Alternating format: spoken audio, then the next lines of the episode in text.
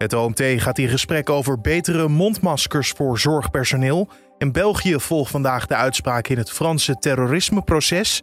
En het internationale verdrag voor het verbod op kernwapens treedt vandaag in werking.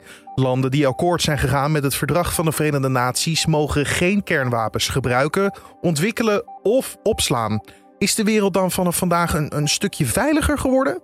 Dit wordt het nieuws. En het probleem is dat juist de landen die wel kernwapens hebben, dat zijn er negen, niet zo heel veel, maar toch, die doen allemaal niet mee. Dus eigenlijk zou je kunnen zeggen, ja, dit verdrag is heel mooi, maar het zorgt niet voor maar ook maar één kernwapen minder in de wereld. Hoe de kernwapenwereld er op dit moment uitziet, dat kan Sikko van der Meer, kernwapendeskundige van Instituut Klingendaal, je straks vertellen. Maar eerst kijken we even kort naar het belangrijkste nieuws van nu. Mijn naam is Carne van der Brink en het is bijna weekend, dus het is vandaag vrijdag 22 januari. De EU-lidstaten hebben donderdagavond besloten dat er geen verbod komt op niet noodzakelijke reizen. Alle regeringsleiders hebben volgens demissionair premier Mark Rutte wel uitgesproken hoe belangrijk het is om op dit moment niet-essentiële reizen te ontmoedigen. Toch is er verbod volgens hem in Europa juridisch niet te doen. Rutte noemde mensen die alsnog op vakantie gaan opnieuw ronduit asociaal. Want zo lopen ze het risico dat ze het virus importeren naar Nederland. Dat kan volgens hem grote gevolgen hebben nu nog besmettelijkere varianten binnen de Unie om zich heen grijpen. Vijf Nobelprijswinnaars presenteren vandaag een klimaatmanifest dat is ondertekend door 3000 wetenschappers uit meer dan 100 landen. Zij roepen op om het economische herstel na de coronacrisis te richten op het afwenden van de klimaatcrisis. De economische kosten van natuurrampen door klimaatverandering kunnen in 2040 al zijn opgelopen tot 45 biljoen euro, zo staat in het manifest. Naast het zo snel mogelijk terugdringen van de uitstoot van broeikasgassen moet volgens hen daarom dringend worden geïnvesteerd in het verminderen van de kwetsbaarheid voor klimaatverandering. Vorige week zijn er naar schatting ruim 3800 mensen overleden. Dat zijn er 500 meer dan normaal zou zijn in deze tijd van het jaar. Zo blijkt uit cijfers van het Centraal Bureau voor de Statistiek. De oversterfte is wel iets aan het dalen. Een daling in het aantal sterfgevallen was vorige week ook te zien bij ouderen en mensen die langdurige zorg ontvingen. Tot nu toe zijn er tijdens de tweede golf bijna 9000 meer mensen overleden dan gebruikelijk. De prijzen van bestaande koopwoningen waren vorig jaar gemiddeld 7,8% hoger dan het jaar ervoor. In december werden de woningen zelfs 8,3% duurder. Recordhoogtes dus. Dat blijkt uit cijfers die het Centraal Bureau voor de Statistiek en het Kadaster vandaag hebben gepubliceerd. Vooral in de provincie Groningen gingen de prijzen vorig jaar met een stijging van 10,4% flink de hoogte in. Niet alleen gingen de prijzen van bestaande koopwoningen omhoog, ook het aantal transacties steeg. Vorig jaar wisselden ruim 230.000 woningen van eigenaar. Dat zijn 7,7% meer transacties dan in het jaar ervoor. Een wereld zonder kernwapens. Zou dat er ooit komen? Nou, vandaag is er weer een belangrijke stap gezet in de juiste richting. Het kernwapenverbod van de Verenigde Naties zal namelijk in werking treden. Deelnemende landen mogen kernwapens niet gebruiken, ontwikkelen of opslaan. En dat verbod is door 84 landen ondertekend, alleen niet door de belangrijkste spelers. Hoe dit verdrag tot stand is gekomen, dat vroeg ik aan kernwapendeskundige Sikko van der Meer van Instituut Klingendaal. Ja, dit verdrag is op een best wel bijzondere manier tot stand gekomen. Meestal worden internationale verdragen door staten uh, besproken. En dit is eigenlijk afkomstig uit ja, dat wordt civil society genoemd. Dus de, ja, een soort activistenbeweging, de vredesbeweging zou je kunnen zeggen. In Nederland bijvoorbeeld PAX, een bekende vredesbeweging, die heeft hierbij geholpen. Een aantal uh, vredesbewegingen samen hebben een, een, een organisatie opgestart die heet ICANN. En die hebben eigenlijk landen ertoe bewogen om dit verdrag op te stellen. Die hebben onderhandelingen binnen de Verenigde Naties afgedwongen. En uh, ja, volgens zijn landen gaan ondertekenen. En is er nu dus ja, werkelijk een nieuw verdrag gekomen. Eigenlijk dus niet gestart is door landen, maar door ja, vredesactivisten. En zij hebben hier ook een Nobelprijs voor gekregen, toch? Ja, dat klopt. Die organisatie die dit verdrag eigenlijk in de markt gezet heeft, ICANN, die heeft inderdaad een paar jaar geleden de Nobelprijs voor de Vrede gekregen. Met het argument hè, dat zij uh, ja, bijdragen aan een, een veiligere wereld door te proberen kernwapens uh, de wereld uit te krijgen. Want hoe groot is de stap die nu hierdoor wordt gezet? Nou ja, op zich is het een relatief uh, revolutionair verdrag. Er bestaat al een verdrag wereldwijd dat het verbiedt om kernwapens te bouwen. Maar dit verdrag voegt er nog wat aan toe. Hè. Dit verdrag zegt ook nog dat je kernwapens ook niet mag bezitten, ook niet uh, mag gebruiken, niet laten ontploffen, maar ook zelfs niet het gebruik in woorden. Dus je mag er niet mee dreigen bijvoorbeeld. Je mag niet zeggen als je mij aanvalt, hè, dan uh, kunnen we je met kernwapens terugslaan. Dus alles wat met kernwapens te maken heeft, is volgens dit verdrag geboden. Maar de landen die mee hebben gewerkt aan dit verdrag en dus hun handtekening hebben gezet, in hoeverre hadden zij te maken met kernwapens? Ja, dat stel je wel een cruciale vraag. Want het is inderdaad zo dat de 50 landen die tot nu toe dit nieuwe verdrag hebben getekend, allemaal landen zijn die geen kernwapens hebben. En ook niet binnen een nucleaire alliantie vallen, hè, zoals de NAVO. Dus eigenlijk zijn het allemaal landen die beloven dat ze geen kernwapens zullen bouwen en niet zullen gebruiken, die het ook niet kunnen. En het probleem is dat juist de landen die wel kernwapens hebben, dat zijn er negen, niet zo heel veel, maar toch, die doen allemaal niet mee. Dus eigenlijk zou je kunnen zeggen, ja, dit verdrag is heel mooi, maar het zorgt niet voor maar ook maar één kernwapen minder in de wereld. En er zijn momenteel zo'n 14.000 kernwapens in de wereld. Ja, ook na dit eh, verdrag uh, gaat dat zo blijven. Omdat de landen die wat moeten doen, die kernwapens hebben, die doen het niet. Nee, want waarom denk je dat die landen niet mee willen werken aan dit verdrag? Nou die landen zeggen allemaal van kernwapens zijn belangrijk voor ons. Hè. Dus, die hebben nodig voor onze veiligheid. En we willen best afspraken maken over minder kernwapens. Maar dat is ingewikkeld. Dan moeten we, we moeten elkaar kunnen vertrouwen en stappen terugzetten. En zo'n algeheel verbod op kernwapens gaat gewoon te ver, zeggen ze. En zo werkt het niet in de wereld. We kunnen niet nu ineens die dingen verbieden. We moeten voorzichtig naar nul werken, niet in één klap. En ja, dan zie je inderdaad dat eh, de landen met kernwapens dit verdrag dus allemaal proberen te blokkeren. Ze zijn allemaal heel erg fel tegen.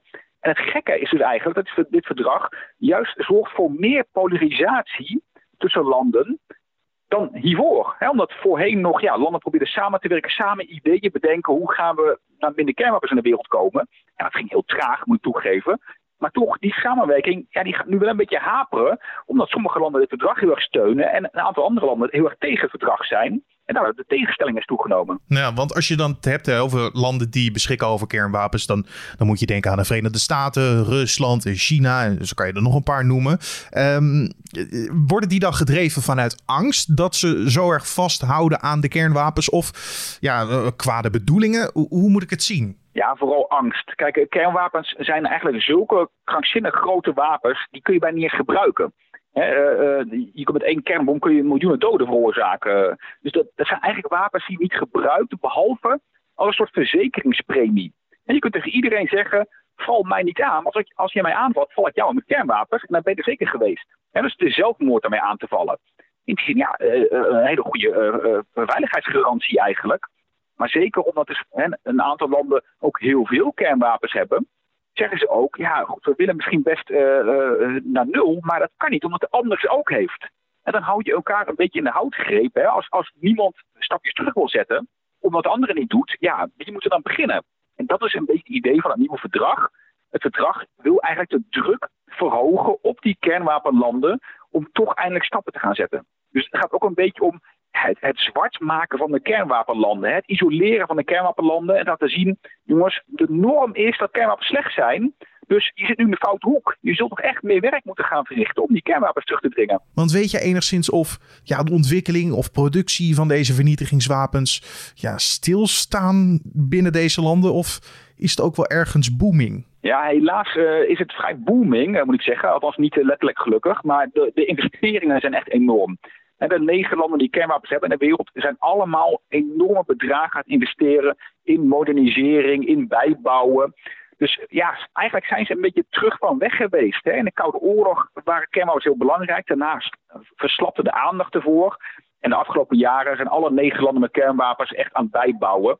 En dat is ook een van de redenen geweest hè, dat een, een, een, aantal landen ook hebben gezegd: ja, we moeten zo'n nieuw verdrag hebben. Want dit gaat niet de goede kant op. Want van de landen waarvan we weten die hebben kernwapens, zijn die allemaal ja, druk bezig met de ontwikkeling daarvan, de productie? Of is dat maar een heel selectief groepje? Ja, alle negen landen die kernwapens hebben, zijn aan het investeren erin. Er is een enkel land dat heeft gezegd, ja, we gaan ze uitfaseren, dat soort dingen. Sommige landen zijn uh, echt in aantal aan het bijbouwen, zoals China, India, Pakistan. En andere landen investeren vooral in de kwaliteit van kernwapens ook in de Verenigde Staten bijvoorbeeld, er zijn de afgelopen jaren echt uh, miljarden dollars geïnvesteerd in verbetering van kernwapens. En ook nog gevaarlijke ontwikkeling. Dat, ja, dat noemen ze de inzetdrempel omlaag is gegaan. Dus um, de Verenigde Staten willen ook dat kernwapens makkelijker ingezet worden. Dus Trump heeft uh, besloten, toen hij nog president was, om bijvoorbeeld kleinere kernwapens te ontwikkelen. Omdat hij zei, ja goed, de Russen geloven toch niet dat wij met een kernbom heel Moskou van de kaart vegen. Als we nou kleinere kernbommen ontwikkelen, die alleen een buitenwijk van Moskou kunnen vernietigen, dan wordt onze, onze bedreiging weer ja, betrouwbaarder. En dan ik dat we dat heus wel zullen doen.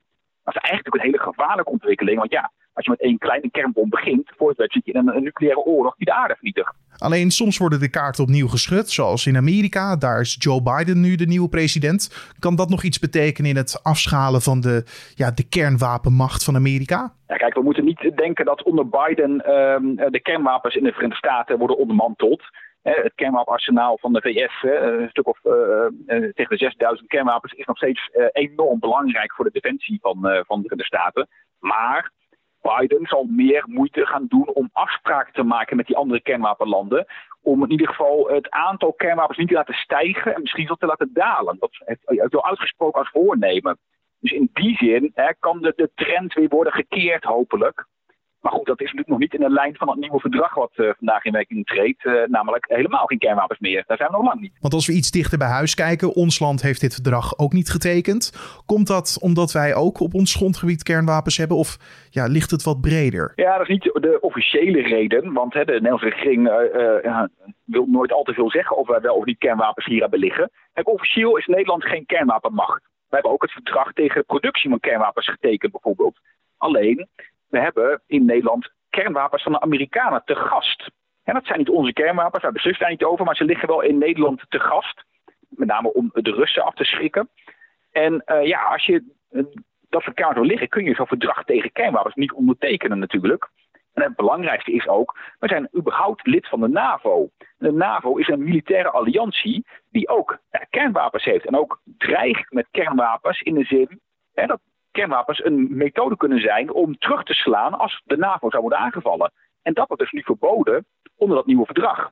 En daarom kan Nederland eigenlijk theoretisch niet tekenen zonder uit de NAVO te stappen. En dat gaat natuurlijk wel weer heel ver. Ja, want je zou natuurlijk kunnen zeggen: Nederland is altijd een vooruitstrevend land geweest. Vanuit een ethisch ja, oogpunt zou je gelijk moeten tekenen. Maar dat ligt dus heel ingewikkeld. Ja, je hebt helemaal gelijk. Nederland is al, al decennia lang heel erg actief in de diplomatie om kernwapens te verminderen in de wereld.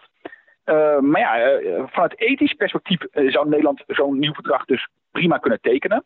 Alleen vanuit politiek strategisch perspectief wordt het gewoon lastiger.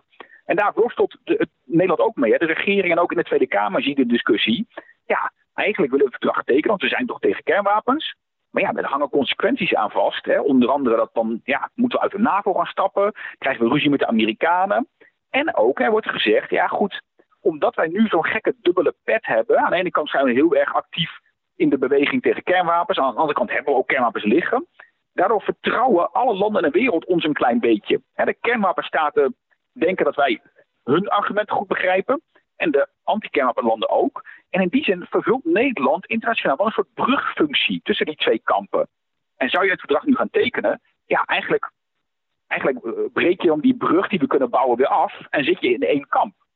En je zou kunnen zeggen, ja goed, laten we voorlopig nog niet tekenen dat nieuwe verdrag. En voorlopig toch blijven proberen die polarisatie tussen die voor- en tegenstanders te, te doorbreken. Om toch zo stappen te kunnen bevorderen. Misschien is dat effectiever dan dit verdrag nu tekenen en je scharen bij die grote groep landen die zegt, ja we zijn tegen. Maar uiteindelijk geen deuk in een pakje boter kunnen slaan. Omdat je moet die kernwapenlanden meekrijgen. Dus concluderend, op papier een geweldige stap. Maar in de praktijk blijft het ingewikkeld? Dat is een hele goede samenvatting, denk ik, ja. Dat was Sikko van der Meer, kernwapendeskundige van instituut Klingendaal.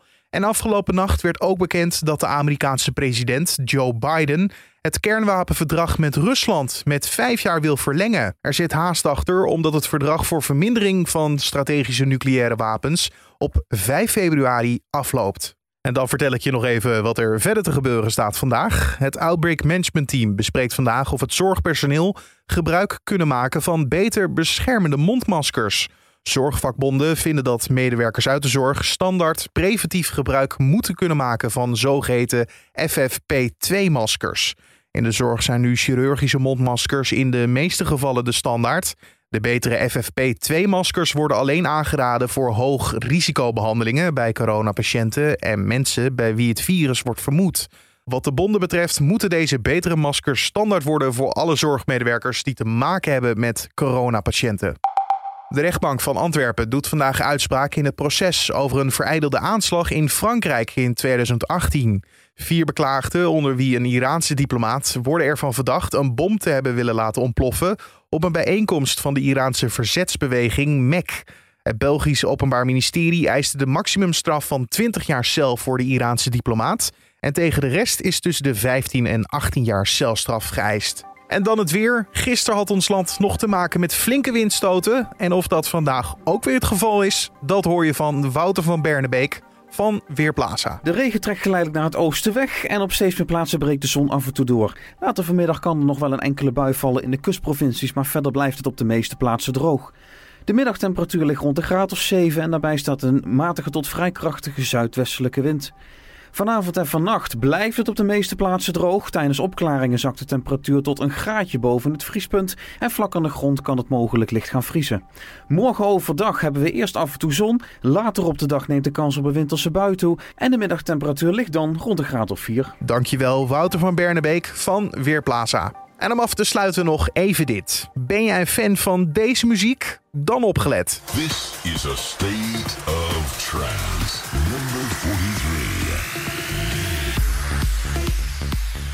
Ja, dit is Trance en ja, de, de ambassadeur zou je kunnen zeggen daarvan. DJ Armin van Buren heeft donderdagavond in de duizendste aflevering van zijn radioprogramma A State of Trance aangekondigd dat er in september een tweedaags festival wordt georganiseerd.